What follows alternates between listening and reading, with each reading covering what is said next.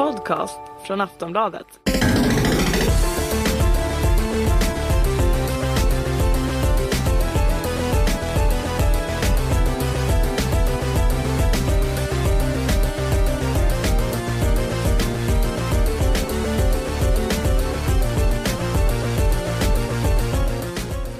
Du lyssnar på Nöjesbladets spelarpodd med mig, Jonas Högberg. Kerstin Alex. Och Alfred Holmgren.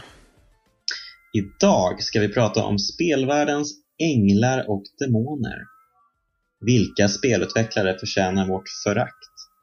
Vilka förtjänar vår uppskattning? Och vilka spelutvecklare får mest skit av omvärlden för det de gör? Slutligen ska vi undersöka vad det egentligen är som har hänt med konsolkriget. Har spelföretagen tappat stinget? Är konkurrenterna snällare mot varandra idag än det var för bara några år sedan? Men först och främst ska vi ta en titt på vilka det är som sitter framför mikrofonerna. Kerstin Alex, du är krönikör och recensent på Spela. Ja, senast jag kollade i alla fall. Bra. Alfred Holmgren, du är Nöjesbladets spelarredaktör. Ja, senast Kerstin kollade i alla fall. Precis. Toppen, då har vi koll på varandra här. Kerstin, vad spelar du just nu?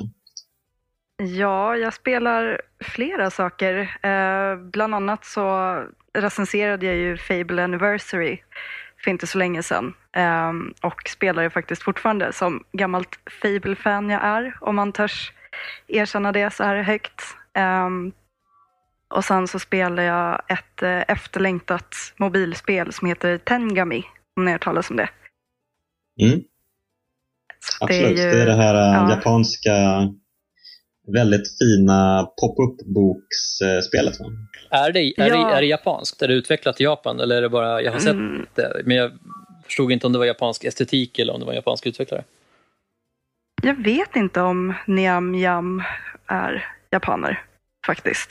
Jag har för mig att de inte är det. Jag kan nästan tänka mig det. Det kändes lite som en pastisch på så här vibben man får av japansk konst. Och så tar en västerlänning och gör en egen tolkning. Men det är väl inget fel med det, jag bara blev nyfiken. Nej, men det, det är väl den känslan jag har också. Och eh, tyvärr är det en stor besvikelse. Väldigt kort och innehållslöst. Alltså det är ju visuellt vackert, liksom, men det är det enda de har tänkt på. De har inte tänkt så mycket på att faktiskt göra ett spel av det. Så att det är tråkigt. Mm. Så det är det Ja. jag spelar. Okej, Alfred då? Ja, alltså så här är det. Om jag låter lite dåligt förberedd för eh, dagens samtal så är det för att jag har ägnat all min tid de senaste dagarna åt Strider. Eh, inte original Strider till NES eller Mega Drive eller Arkad utan det här nya av Double Helix. Har ni kört det någonting? Nope.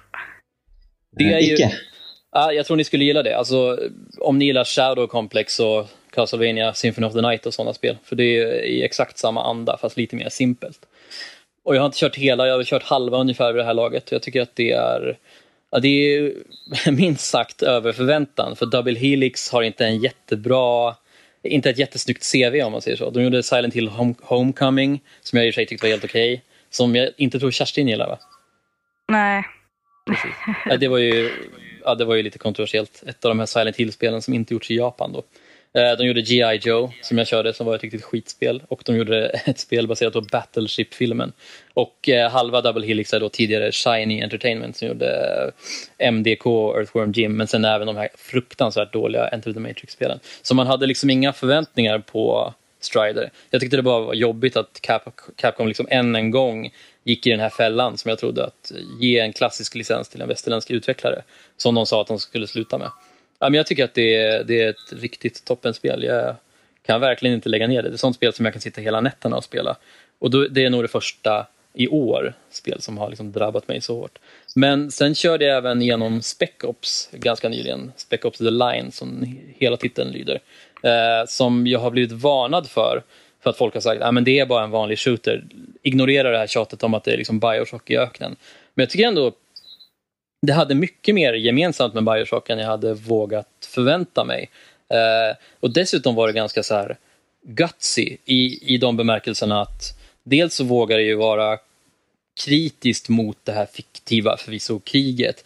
Alltså det visar ju några riktigt vidriga konsekvenser av vad som händer i ett krig. Och dels är det ju en ganska hård-cooked shooter i bemärkelsen att det är svårt.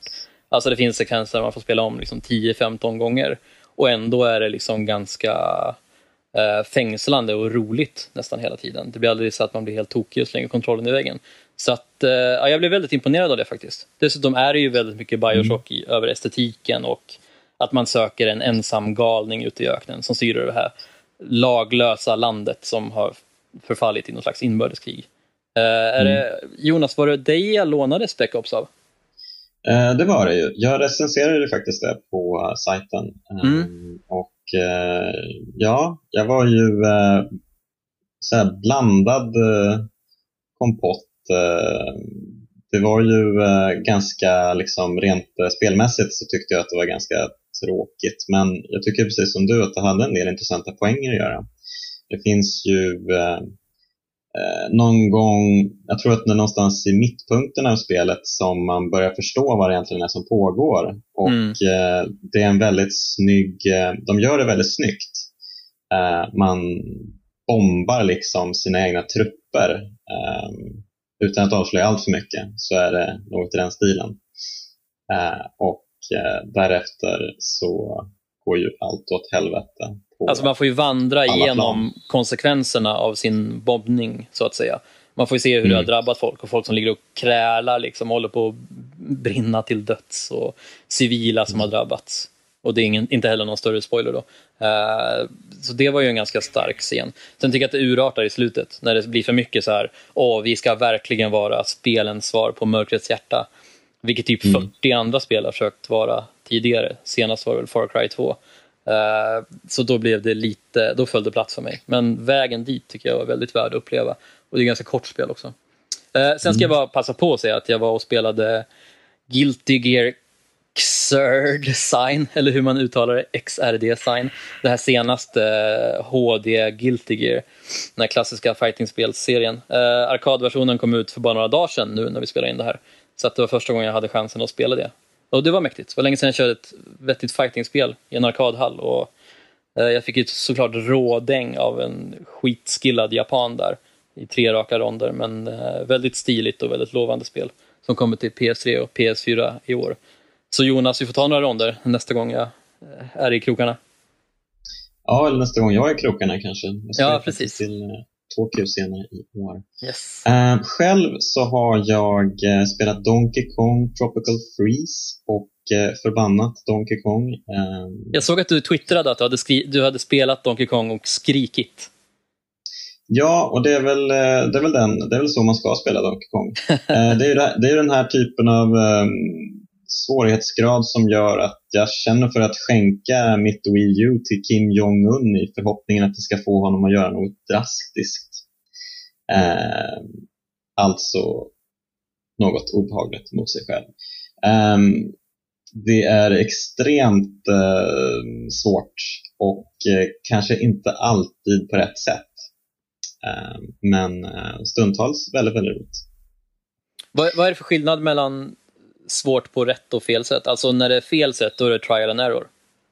Eller? Nej, alltså trial and error kan vara okej, okay, men om man gör det till överdrift så blir det, eh, då tycker jag att det sänker upplevelsen ganska rejält. Mm. Eh, jag vet inte, vad tycker ni? Jag är ganska känslig överlag måste jag säga, vilket är så pinsamt att berätta. Jag kan gilla, när jag väl har lärt mig hur ett spel funkar, då är det okej okay att det öser på med nästan vilka utmaningar som helst.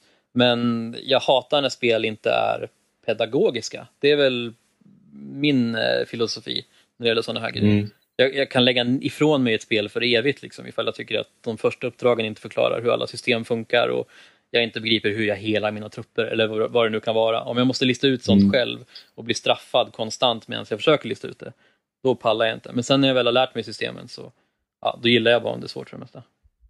Mm. Mm, ja, precis. Alltså, Spel ja. måste vara mer konsekventa. Liksom.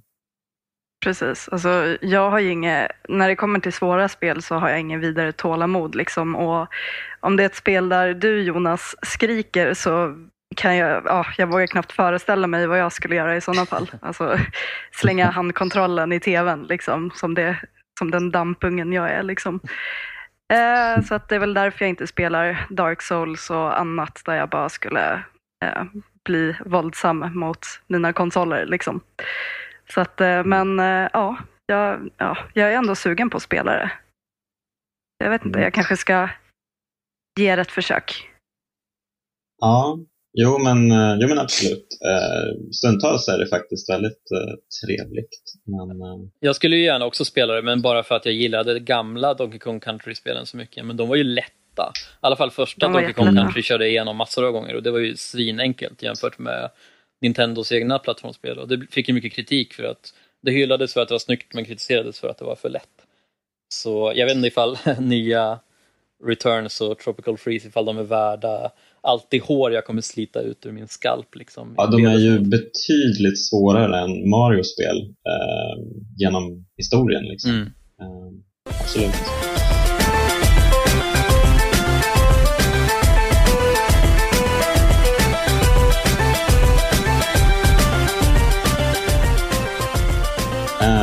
Jag vet ju att eh, ni båda har slipat knivarna rejält. Eh, vi ska ju diskutera och dissekera spelvärldens änglar och demoner. Men eh, innan vi går in på vilka eh, ni tycker är de värsta synderna så tänkte jag att vi ska höja blicken lite grann och eh, titta på vilka det är som omvärlden ser som spelvärldens ruttna äpplen och eh, varför.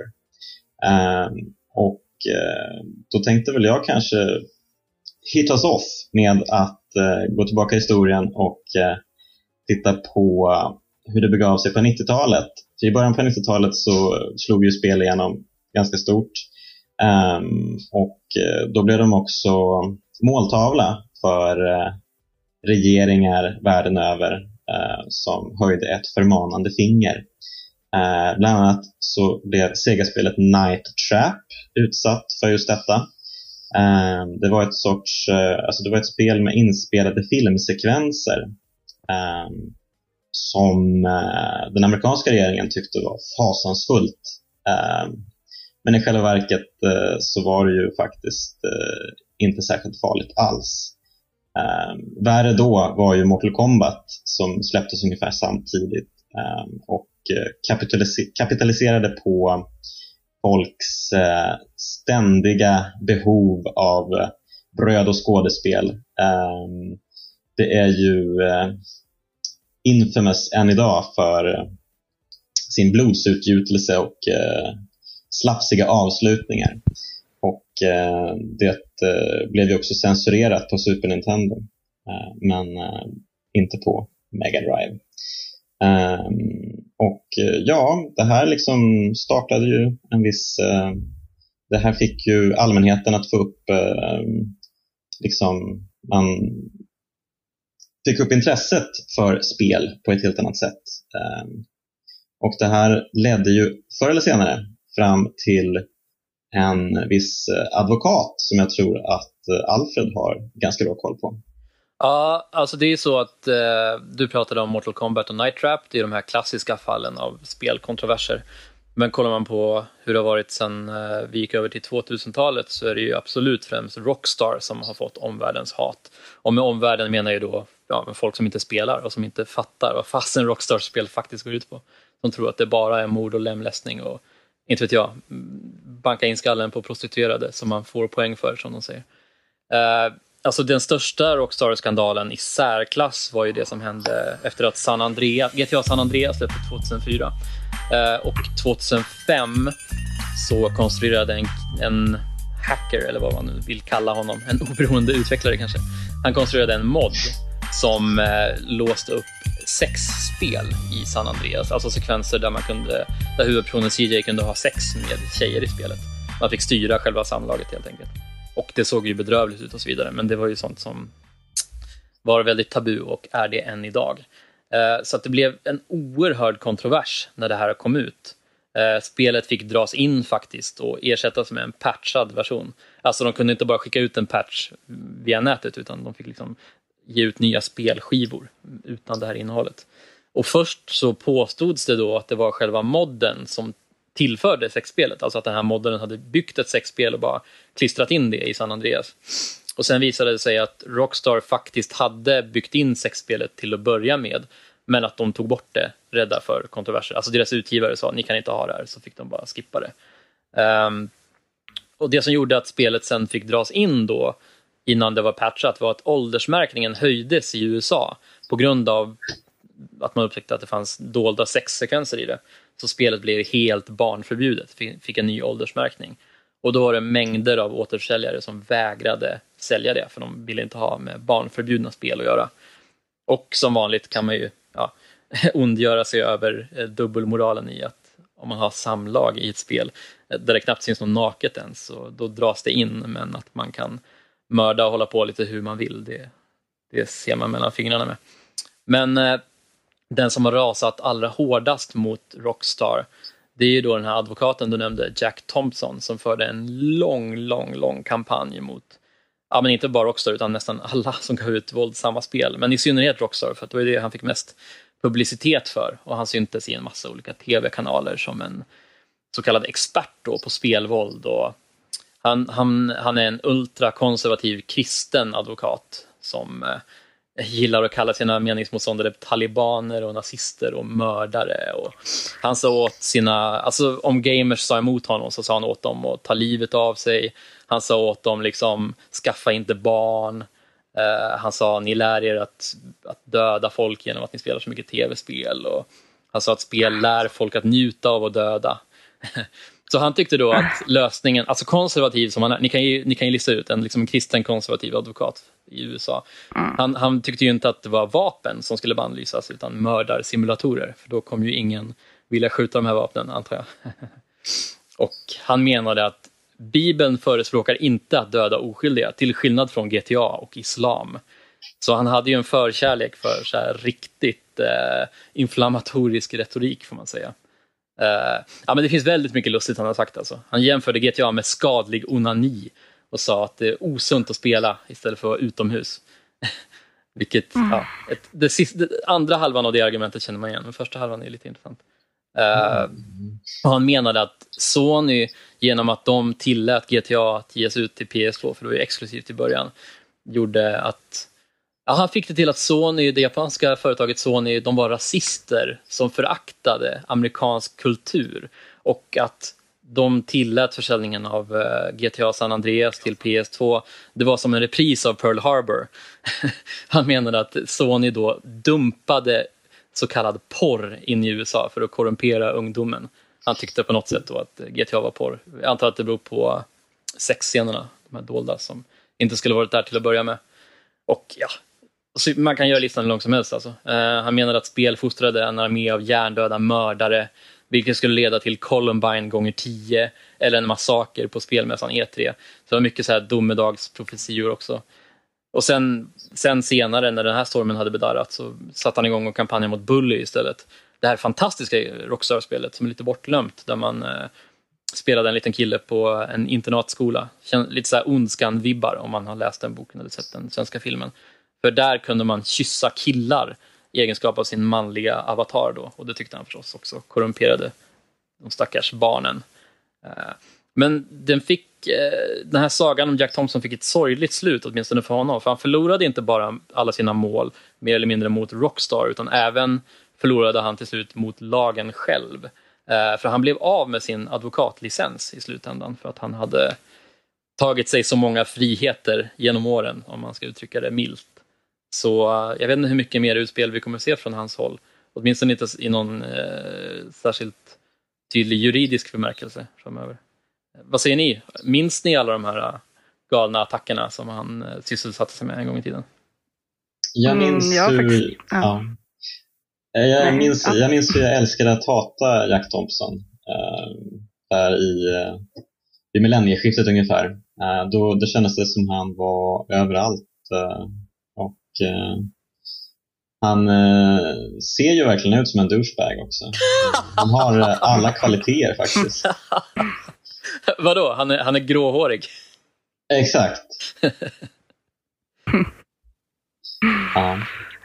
Ja, nej men eh, om det var kring millennieskiftet så var jag 11 bast. Så det är inte så konstigt att jag inte har hört talas om det här. Däremot eh, Alltså, jag tycker det är ganska klassiskt det här med att man skyller på eh, tv-spel och våld bland ungdomar istället för att se tillbaka på ungdomars psykiska ohälsa och att vapen är så lättillgängligt i USA. Jag vet inte om ni har fått samma intryck av det när man väl alltså, kritiserar spel. Liksom. Ja, det tror jag är intrycket som alla, åtminstone utanför den amerikanska högern, har fått. Jag menar, det där är ju, ja. Jo, det är väldigt svårt att sätta sig in i hur den här hjärnan fungerar. Och att, ja, tyvärr finns det ganska många sådana här hjärnor ute i världen som gärna klandrar spelen. Jag tycker ju spel är klandervärda på massor av sätt och jag tycker att de bör ta ett moraliskt ansvar men det, det här är ju ändå sinnessjuka saker att gå runt och säga. Alltså jag menar just att Jack Thompson sa att om, om en unge går runt och skjuter sina skolkamrater eller får tag på ett vapen och går runt och menar folk i största allmänhet så är det mer eller mindre garanterat för att han har spelat spel. Jag menar, det är bara i spel man kan lära sig sånt. Det känns ju helt... Ja, jag vet inte ens vad man ska säga om det. Eh, det var väl en logisk slutpunkt att han eh, förlorade sin advokatlicens för att man kan inte bara ta sådana här saker ur luften för evigt och komma undan med det känns som. Mm. Nej men precis, så att han gick hårt åt homosexuella mm. och åt eh, eh, muslimer också. Det är inte så konstigt liksom att han blir av med det då dessutom. Nej, precis. Men apropå folk som hatar Rockstar mer eller mindre så faktum är att den här så kallade Hot Coffee-skandalen, alltså Hot Coffee var namnet på modden som tog fram sexminispelet i GTA San Andreas 2005. Det eh, var många politiker som, det blev en så stor skandal, alltså det var ju det var en världssensation att det fanns sex i det här Rockstar-spelet. Rockstar som redan var så kontroversiella och hatade av omvärlden. Så Hillary Clinton gick till och med ut och sa att nu är det dags att ta krafttag mot de här grafiska, pornografiska och våldsamma tv-spelen. Och i synnerhet då GTA San Andreas. Och en massa grejer om att ja, men det är inte så konstigt att föräldrar känner att de tappar greppet om eh, liksom dagens barn när det, när det är sådana här saker som deras hjärnor fylls av. Och hon eh, kampanjade då för mycket hårdare tag mot våldsamma spel. Och i och för sig var det många som misstänkte att det här bara var ett populistiskt ställningstagande för att Hillary Clinton ville uppfattas som mindre vänster och mer centric som man säger i USA för att hon, skulle, hon skulle ha större chans att bli omvald eh, till sin senatsplats. Men ja, så att det finns ett, fick ett väldigt stort genomslag kan man i alla fall konstatera, även utanför dåraktiga advokaters hjärnor.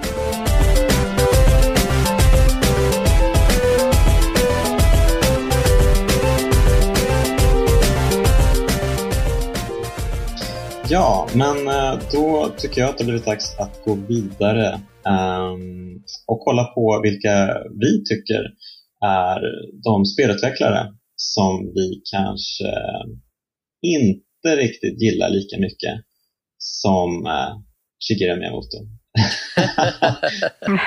och uh, vilka som faktiskt verkar ha ett samvete uh, och någon sorts medmänsklighet. Um, jag vet till exempel att eh, du, Kerstin, har ett eh, horn i sidan till en viss eh, utvecklare.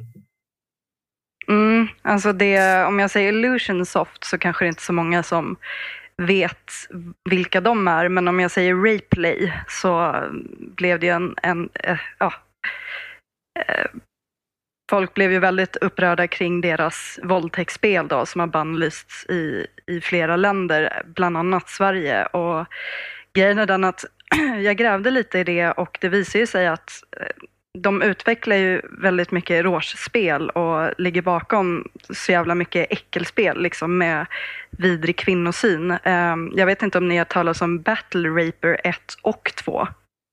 Det, är det något som... Det är inget jag har i spelhyllan vad jag kan se härifrån.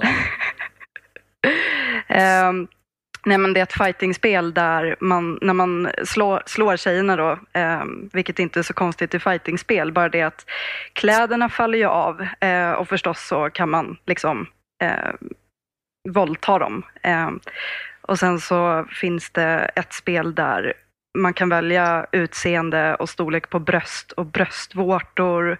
Ehm, ett annat spel där man kan klä sina tjejer i minimala underkläder och det är oftast scener där eh, man ser deras eh, underliv. Liksom. Ehm, en väldig grej där. Och sen så har de gjort ett spel som heter Sexy Beach Zero med alltså, tjejer som är jättepuckade verkligen och har enorma bröst. Eh, och det är ju ingenting nytt liksom. Men eh, ja, när de i sina små stringbikinin som man har valt ut eh, ja, att man får dem att dansa sådana här bisarra porrdanser liksom. Eh, och att man sen kan trycka upp dildos mot dem så vill jag ju bara ge dem en rejäl örfil liksom. Jag blir så himla arg på det där. Eh, så att eh, de vill jag bara nämna som, eh, som äckliga utvecklare liksom. lifetime achievement för så här vidrig spelutveckling. Precis, och det är, alltså, när man kollar igenom alla deras spel i princip så är majoriteten av dem sådana här med extremt unken kvinnosyn verkligen, som gör mig väldigt mörkrädd helt enkelt. Usch. Det känns som att vi har en vinnare redan nu. Ja, det blir jättesvårt att bräcka det där. Vad fan? Vad ska vi omöjligen kunna göra för att uh, bräcka det här? Precis. Um, Alfred, har du, något, uh, har du någon som du hatar Nej, alltså det är svårt att besvara. Men jag tänker om man så ser bortom sina egna känslor så finns det ju spelföretag som eh, utnyttjar sina anställda på ganska vidriga vis. Eh, då faktiskt så måste vi faktiskt återkomma till Rockstar. För jag kanske inte rasar så mycket mot innehållet i deras spel. Men hur de skapar sina spel har ju varit föremål för en och annan kontrovers också. Eh, jag tänker bland annat på LA Noir som ju inte Rockstar själva skapade utan de gjorde det i samarbete med Team Bondi nere i Australien som sedermera är nedlagt. Som var ökänt för sin eh, chef Brendan McNamara som körde väldigt hårt med sina anställda. Och eh, det uppmärksammades, de dåliga arbetsvillkoren uppmärksammades tack vare att det var många som ströks från credit-sekvensen. det var uppemot 100 utvecklare ja, men som hade lämnat utvecklingen av olika skäl och vad det nu kan ha varit som inte fick eh, stå med som, som medskapare helt enkelt. Det är väldigt konstigt. Eh, mm. Företaget kallades en köttkvarn med eh, konstant övertid och fruktansvärda chefer som liksom gallskrek på de anställda helt öppet inför alla andra på företaget. Och folk tvingades jobba uppemot 110 timmar per vecka. Och ursäkten var ofta, ja men vi måste cruncha, alltså vi måste, som man säger i spelbranschen, eh, ett begrepp som betyder att man ska jobba intensivt för att ett spel ska bli klart och möta en deadline. Men sen när de hade crunchat så fick de en ny deadline, för den förra sköts upp. Så var de tvungna att cruncha igen för att bli klara med ännu mer och så vidare. Eh, och det där verkar vara ett ganska utbrett fenomen i spelbranschen, åtminstone uppmärksammats på många företag. Det första exemplet var en skandal som fick benämningen EA Spouse när eh, ett gäng fruar till anställda på Electronic Arts skrev ett gemensamt offentligt brev om de vidriga arbetsvillkoren som de, som de ansåg att det var. Eh, och det finns fler exempel inom Rockstar faktiskt, för deras San Diego-studio som gjorde Red Dead Redemption hade ungefär samma upplägg. Att eh, de, de anställda de, de fick arbeta tills de blev liksom deprimerade och kliniskt självmordsbenägna. Eh, och det roliga var att för att lösa det här så anställde Rockstar en massös. Då tänkte de, japp, sådär ja, nu kommer ingen ta livet av sig här inte, för nu kan de få en massage någon gång i veckan. Eh, och dessutom eh, Rockstar-chefen Sam Houser, som inte sitter i San Diego då, utan i New York, eh, är väldigt ökänd för att skrika och gorma på sina underordnade och kasta telefoner och vara ett jädra as i största allmänhet. Så att eh, det var ju folk som pratade om att man skulle bojkotta Red Dead Redemption. Det var väl inte så många som gjorde det till slut, för det sålde extremt bra och det fick fantastiska betyg och så vidare. Så det, den tråkiga läxan här är ju att det här tyvärr lönar sig. När de gör de här enorma, otroligt episka, helt öppna spelen då. Och folk mer eller mindre jobbar ihjäl sig och känner att de aldrig kan göra ett spel till för att de har blivit så förstörda av det. Eh, och så säljer det liksom massor av miljoner och deras chefer blir stenrika på, på grund av deras slit. Mm. Bisarrt. Det, det är slavarbete fast att de förstås får betalt. Undrar hur mycket de får betalt? Ja, det är inte så mycket. För tydligen hade de här, åtminstone på Team Bondi så var det så att de införde nya positioner som var under de lägsta positionerna i företaget. Enbart i syfte att liksom betala folk mindre pengar och ge dem färre förmåner. Så det var en jädra, det var ett race mot botten där för att betala så låga löner som möjligt. Och som så här, mm. utomstående betraktare tänker man att ja, men Rockstar, de har ju resurser. De har ju liksom skapat några av popkulturhistoriens mest populära verk. Liksom. Och de är väl stenrika. Det sprutar väl pengar ur öronen på dem. Liksom. Det är väl bara att ja, ta för sig om man jobbar där. Men så verkar det inte riktigt vara utan det är många som blir ja, blåsta på konfekten helt enkelt. Och just som du sa, slavarbete, det var ju många som jämförde den här Rockstar San Diego slash eh, Red Dead Redemption situationen med just slaveri. För att ja, folk sparkades på lösa grunder och fick så dåligt betalt. Och, ja, fick jobba så fruktansvärt hårt och kvällar och helger och som sagt eh, över 100 timmar per vecka utan någon särskild kompensation. Så, ja, det är en liten sorglig anekdot där från eh, spelvärldens inre. Verkligen. Mm. Har du något Jonas? Ja, eh, jo men absolut. Det har ju hänt en del på senare tid faktiskt. Eh, bara i år faktiskt, trots att året endast är två månader gammalt. Så har vi fått eh, en del skandaler redan. Eh, jag tänker kanske främst då på King, den svenska spelutvecklaren som eh, har varumärkesskyddat ordet Candy. De gör ju som bekant Eh, det otroligt megapopulära pusselspelet Candy Crush Saga. Och eh, de har redan varit märkesskyddat ordet saga. Och nu så ska de alltså ta sig an Candy också. Um, och det här har de förklarat med att uh, deras syfte var liksom att skydda spelarna från förvirring. Um, vilket ju är ett uh, fantastiskt sätt att uh, Eh, vända på orden och vända på innebörden i det de har gjort. Eh, självklart så eh, har det här fått en hel del konsekvenser redan. Eh, kanske det mest eh, tårdrypande eh, är den personen som har gjort Candy Swipe som är ett spel som släpptes redan 2010 av eh, en kille som heter Albert Ransom. Um, och uh, ja, han, uh, det här spelet har han alltså släppt och uh, har tillägnat sin döda mor, tror jag. Och ja, han, nu menar han att han inte längre kan skydda sig från Kings jurister. han säger grattis, ni vinner. så inleder han ett öppet brev till King.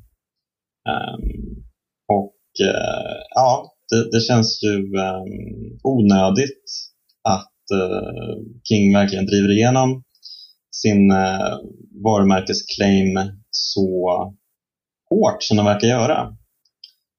Själva har de inte velat uttala sig särskilt mycket om det här utan VDn har väl liksom gått ut och sagt att ja, det var ju tråkigt det här men vi gör det här faktiskt eh, för att eh, ja, bara skydda oss själva. Ehm, och eh, ja, vad tycker ni om det här?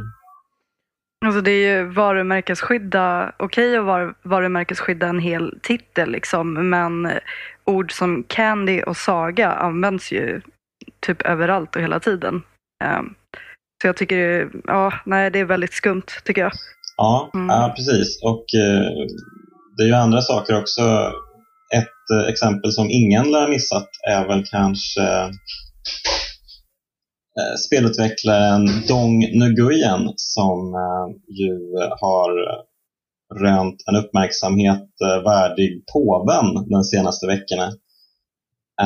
Han har ju, det är han som har utvecklat spelet Flappy Bird Ehm, som kom, sågs och försvann eftersom han själv valde att eh, ta bort spelet från App Store och Google Play. Ehm, hans egen motivering var att eh, folk spelade för mycket och att han hade liksom startat en eh, uh, beroendekultur bland spelarna. Att folk inte kunde sluta spela och så. Men mycket, talar ju på, mycket talar ju för egentligen att han inte pallade trycket helt enkelt. För att på hans Twitterkonto så har han ju mottagit extremt mycket skit från eh, spelare som hatar hans spel, som hatar honom och som vill att han ska dö. Liksom.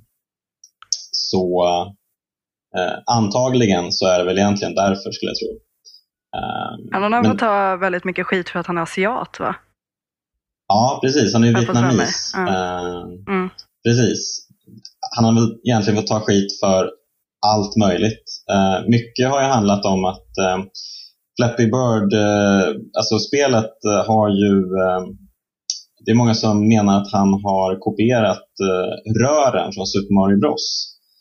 Ehm, och här blir det någon sorts dubbelmoral för att folk har ju redan rasat mot King för att de skyddar eh, sitt varumärke. Men eh, när det handlar om Nintendo så rusar folk till för att eh, skydda dem och deras sida. Liksom. Ja, men självklart, det är Nintendo som har patent på rör. Här är inget snack. Utan att Nintendo själva hävdar det dessutom. Precis. Så det, är ju en, det verkar ju vara en enda stor soppa faktiskt. Um, vad tror ni om det här? Är eh, Dong Nguyen värd eh, vårt eh, förakt eller ska han ha vår sympati? Jag måste säga att ifall, ifall det här bara är ett spel för gallerierna, hela hans meltdown, så spelar han väldigt bra. Då är han en jävligt duktig imitatör. Alltså jag, preliminärt måste jag ändå säga att jag köper det här med att han har mått för dåligt och tyckte att det var för jobbigt med all den här uppmärksamheten han har fått. Han sa ju att han levde ett enkelt liv och sen kom det här spelet mer eller mindre och förstörde det. Och när man har så många spelare som han har haft, det har väl laddats ner 53 miljoner gånger eller något sånt här, det här eh, gratisspelet Flappy Bird. Så det är klart att då får man ju, då blir det väl automatiskt några så Jack Thompson-dårfinkar eh, i publiken, så är det ju bara. Och som säkert eh, går till attack på vilka grunder som helst. Och sen speciellt när spelet togs bort och det blev så kontroversiellt. Och det kom den här störtfloden av kopior och folk som skulle sälja sina iPhones med Flappy Bird på, på Ebay för tusentals dollar. Nu vet jag inte ifall det gick i lås, men det var ju en, det var ju verkligen årets största spelskandal hittills. Så jag, eh, ja, det låter ju inte som ett jätteskönt liv att leva liksom, i centrum för det där. Och han gav ju bara en enda intervju efter att han tog bort spelet. För att det var ju tydligt att han ville inte ha den här uppmärksamheten längre. Sen har han ju andra spel som finns kvar på App Store och Google Play som också är hyfsat stora succéer, liksom, som har legat i topp ett tag. Eh, mm. och dessutom så drog han in, vad var det, det snackades om han bekräftade inte det själv tror jag, men det sades att han drog in 50 000 dollar per dag i reklamintäkter på Flappy Bird. Så när han väl mm. tog bort det så var han ju redan set for life mer eller mindre. Kan man ju också ha i åtanke att det var ju inte som att han, han gick miste om chansen att bli rik som ett troll, utan det var han ju med råge när han tog bort det. Precis. Ja, det, det är svårt att säga. Uh, uh, ja, vi kanske helt enkelt bara ska lämna honom därhän och låta honom eh, återgå till sin anonymitet. Ja, det är kanske det han, ja. han helst vill själv i alla fall. Jag måste bara få berätta om en variant av de här kopiorna. Ja. Mm. Har, har, ni sett uh, Miley Cyrus-kopian? Nej, jag har sett många kopior, men inte just Miley Cyrus tror jag. Nej.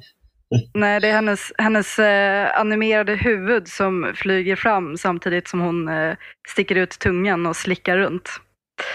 Den tyckte jag var den mest, eh, ja, inte kreativa, men skummaste varianten. Men fan, jag blir, så, jag blir så trött på sånt där. Vilken jävla cocktail av så här, jag vet inte, så här, usla popkulturspaningar från typ de, sen, de senaste månaderna.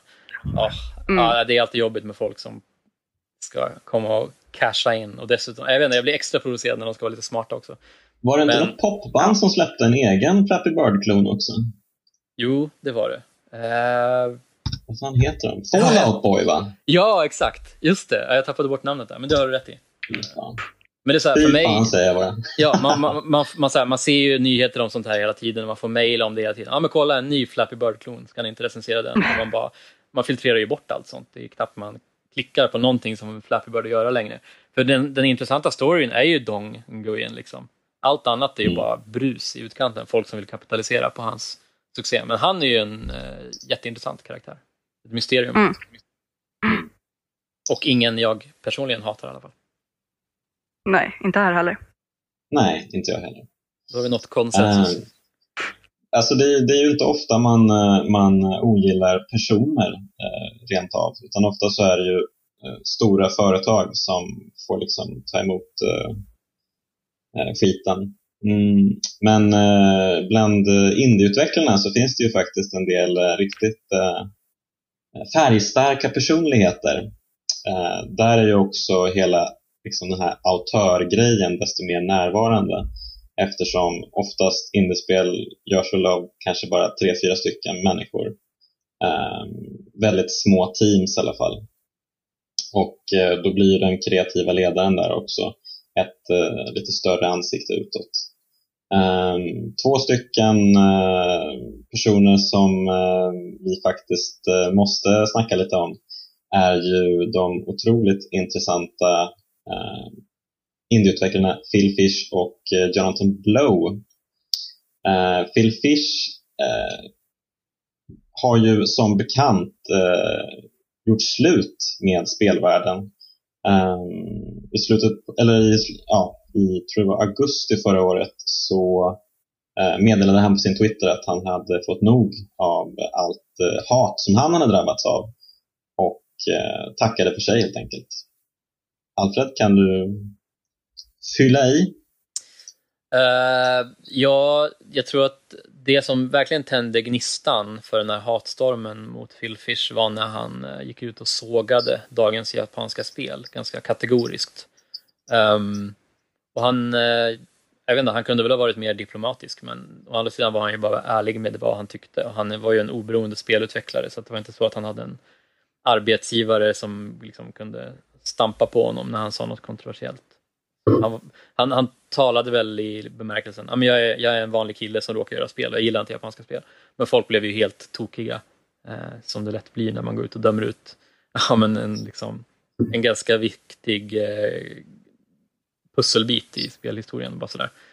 Eh, och då var det ju mycket att folk liksom, började kalla honom bög och fjant och hipster och rövhål och andra kreativa eh, förolämpningar som duggar tätt när, någon, när, när det hatstormas i spelvärlden. Och han tog inte det här så bra själv heller utan han började Vad hände där? Nej, jag vet inte. Uh, vadå? Hallå? Ja, hallå. Ja. Ja, Okay. Ja, jag fortsätter prata. Eh, och Phil Fish själv tog inte det så jättebra, de här uh, angreppen på hans person då, som man får kalla det.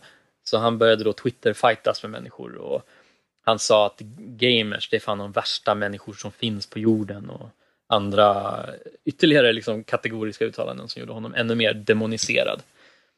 Eh, sa han varför? Vad sa du?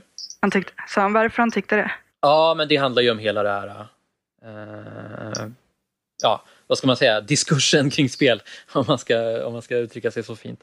Att, uh, ja. Ja, det funkar så här som han uppleva first hand. Liksom, att det är inte alltid så eh, nyanserat hur man pratar om spel. Inte för att han uttryckte sig nyanserat, men det var ju kanske lite värre all skit han fick tillbaka från tusentals, om inte miljoner människor.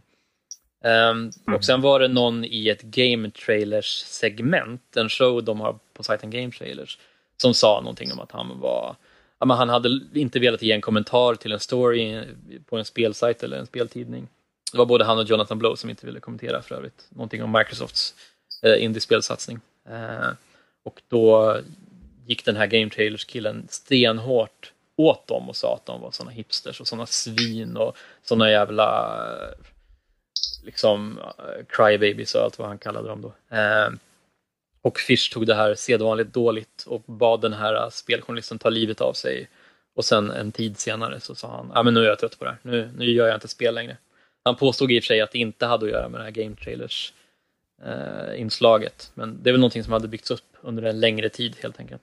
Och vet, ni, ni har sett eh, Indie Game The Movie va? Ja, jag har sett den. Ja.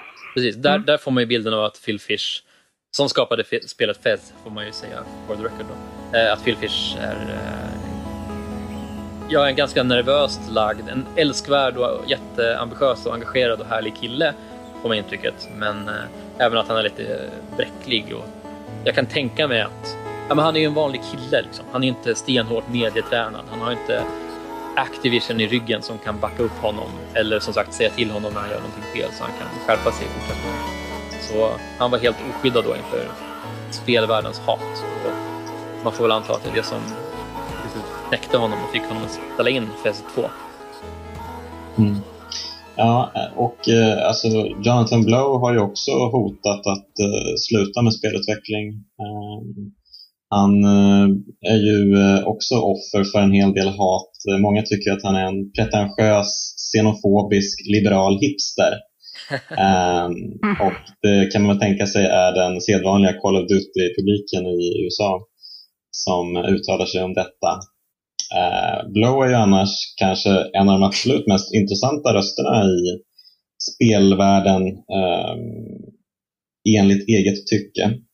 Ehm, eh, han, han tycker ju verkligen, han är verkligen mån om att eh, skapa en bättre, liksom, bättre spel. Han tycker att eh, likriktningen bland spelen är påtaglig och ett stort problem. Han har till exempel sagt att World of Warcraft är oetiskt, att det skapar liksom en falsk bild av meningen med livet.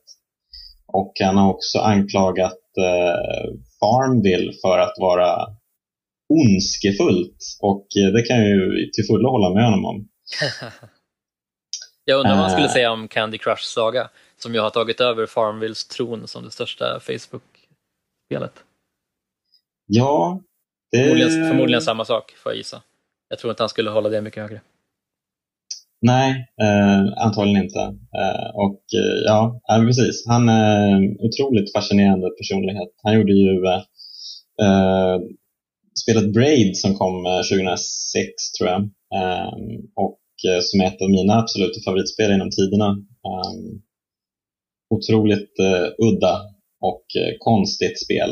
Och han har ju ett nytt spel på gång som ska komma i år som heter The Witness och som också verkar vara minst lika mystiskt. Ja, det ser verkligen uh, underbart ut. Mm, ja, precis. Man, man kommer, det ser ut att vara liksom, man kommer till en eh, paradisö nästan och så ska man lösa en massa konstiga pussel på den här ön. Och man antar ju att det finns eh, en betydligt större vision med allting. Att eh, han eh, antagligen kommer med eh, svaret på meningen med livet. Till slut. Till slut. Äntligen. Jonathan Blow levererar. Mm. Vad, vad tycker ni om honom? Alfred? Jag har ingen vidare koll faktiskt om jag ska erkänna. Ja, Jonas, jag, jag, håller väl med dig om att Jonathan Blow är en av spelvärldens mest intressanta figurer. Eh, jag får referera tillbaka till In the Game The Movie igen, där han han, han är ju väldigt pretentiös och jag, jag, kan tycka illa om att använda det ordet som ett skällsord för att ibland är det bara folk som har ambitioner och är lite kritiska mot eh, just likriktningen och vad mainstreamen ägnar sig åt. De döms ut som pretentiösa och så blir det ett skällsord där. Men han har en viss arrogans i sig. Han verkar se sig själv som ganska överlägsen, vilket jag kan förstå att folk tycker är provocerande. Så jag vet inte om jag skulle vilja, ha, jag om jag skulle vilja ta en öl med honom. Liksom. Jag vill ändå spela hans spel för det. Eh, The Witness ser ju helt underbart ut måste jag säga. Braid var jag väl inte... Jag tyckte Braid var jättebra, men jag tyckte att det var väldigt fult också.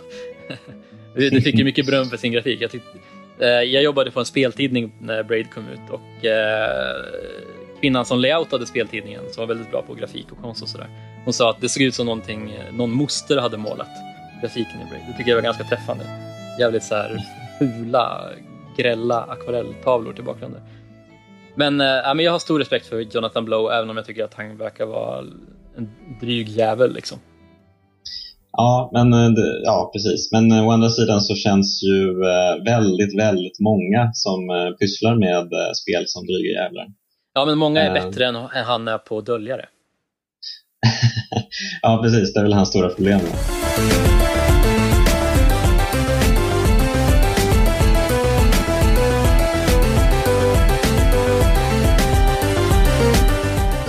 Ett sätt som eh, spelföretagen eh, verkligen eh, excellerar i att vara obehagliga är ju när de ska marknadsföra sina spel. Här finns det otaliga exempel på när det verkligen har slagit snett. Eh, vad säger du Kerstin? Ja, nej men jag känner väl att jag bara måste ta upp eh, det som inte skedde för så länge sedan. Det var väl förra året va? Om jag inte minns helt fel. Eller var det förra? Eh, I alla fall. Eh, det här med Deep Silver och deras eh, Collector's Edition av Dead Island Riptide som eh, det blev ramaskri kring verkligen. Ehm, överallt men även i Sverige och på stora internationella spelsajter liksom. Ehm, där det i samlingen kom med en kvinnlig överkropp utan huvud förstås då. Eh, blodig sådan med eh, silikonpattar, eh, vilket jag tycker är oerhört smaklöst helt enkelt. Eh, och de bad ju om ursäkt, men det känns som att, ja, jag vet inte, ja, det känns ju inte som att den är giltig med tanke på att de sålde skiten ändå. Det går ju att få tag på den. Um, så att det är så här, de ber om ursäkt lite grann för att inte hålla ryggen fri, men ja, i alla fall för att lindra det hela, men skiter fullständigt i att ta in den igen. Um, och jag tycker att det här om något visar ju ändå hur jävla objektifierade kvinnor är, alltså kvinnliga karaktärer, när man till och med tar en anonym zombie och bara tar bort allt annat än bröst i princip. Um, och jag vet inte, i sådana fall hade man väl lika gärna kunnat släppa en, en eh, manlig underdel med Speedos liksom. I sådana fall. inte för att jag hade velat ha den hemma, men ändå. Så ja, det är mitt Just det, jämlikhet är viktigt. Oh ja. Mm. Precis. Um, ja, själv uh, så gillar jag ju uh, Eh, God of Wars eh, otroliga kampanj, eh, eller kampanj var det inte, det var en släppfest som de fixade i Grekland för God of War 2. Och då hade man en död och huvudlös get i centrum av festen som gästerna uppmanades att gojsa runt i dess innanmäte. Ja. Hög klass på den festen måste man säga. Eh, man hade även eh, topless-brudar som kunde mata gästerna med vindruvor. Eh, så det är ju verkligen classy Sony. Ja, alltså classy. ungefär lika hög klass som på själva spelet då? Typ. Ja, jo men det var väl definitivt i linje med vad spelet erbjöd. Mm. Alltså då menar jag inte bara att spelet var smaklöst, vilket det sannerligen var, utan jag tyckte det var ganska dåligt också. Jag som tycker om God of War. ja, men jag gillade faktiskt ettan, men mm. Eh, tvåan tyckte jag blev jag besviken på. Mm, jo, men visst. Men sen var de ju jävligt så här, oh, Jag kommer ihåg, jag tror det var i tvåan, där man typ man hittade en kille som låg skadad på marken och så skulle en, en oskyldig NPC då. Och så skulle man typ slänga in honom eller på ett kugghjul så han dog, så kugghjulen stannade. Och han typ bad om nåd. Såna här jävligt osköna apsadistiska grejer. Liksom. Hahaha, här dödar och lemlästar vi oskyldiga som ber om nåd på sina bara knän. Liksom. Jag tycker det, det, finns många sådana exempel. Så att ja, jo, jag håller med dig. Mm. Ja, det är sånt som jag verkligen inte tål i spel. Jag är bara så jävla förbannad. Vad, vad tror de att jag är för någon slags människa egentligen? Mm. Ah, ja, sidospår, sorry. Nej, ja. Har du några exempel, Alfred? Ja, tyvärr. Jag önskar att man kunde sätta punkt med den där God of War-grejen. Nej, men det finns inget annat. Men vi har ju inte tagit upp liksom de smaklösa marknadsföringsjippornas mästare, gamla Acclaim, den insomnade speljätten. Eh, de, de, släppte ju en del kontroversiella spel som just Mortal Kombat, ditt favoritspel Jonas. Eh, och ja, ja. BMX Triple X som var något så himla idiotiskt som ett extremsport BMX-spel där man skulle åka runt och göra massa tricks och så. Men där det dessutom var att de hade typ utvecklarna hade gått på strippklubb och filmat stripporna så det var så här mer eller mindre nakendans som mellansekvenser för att så ska det vara.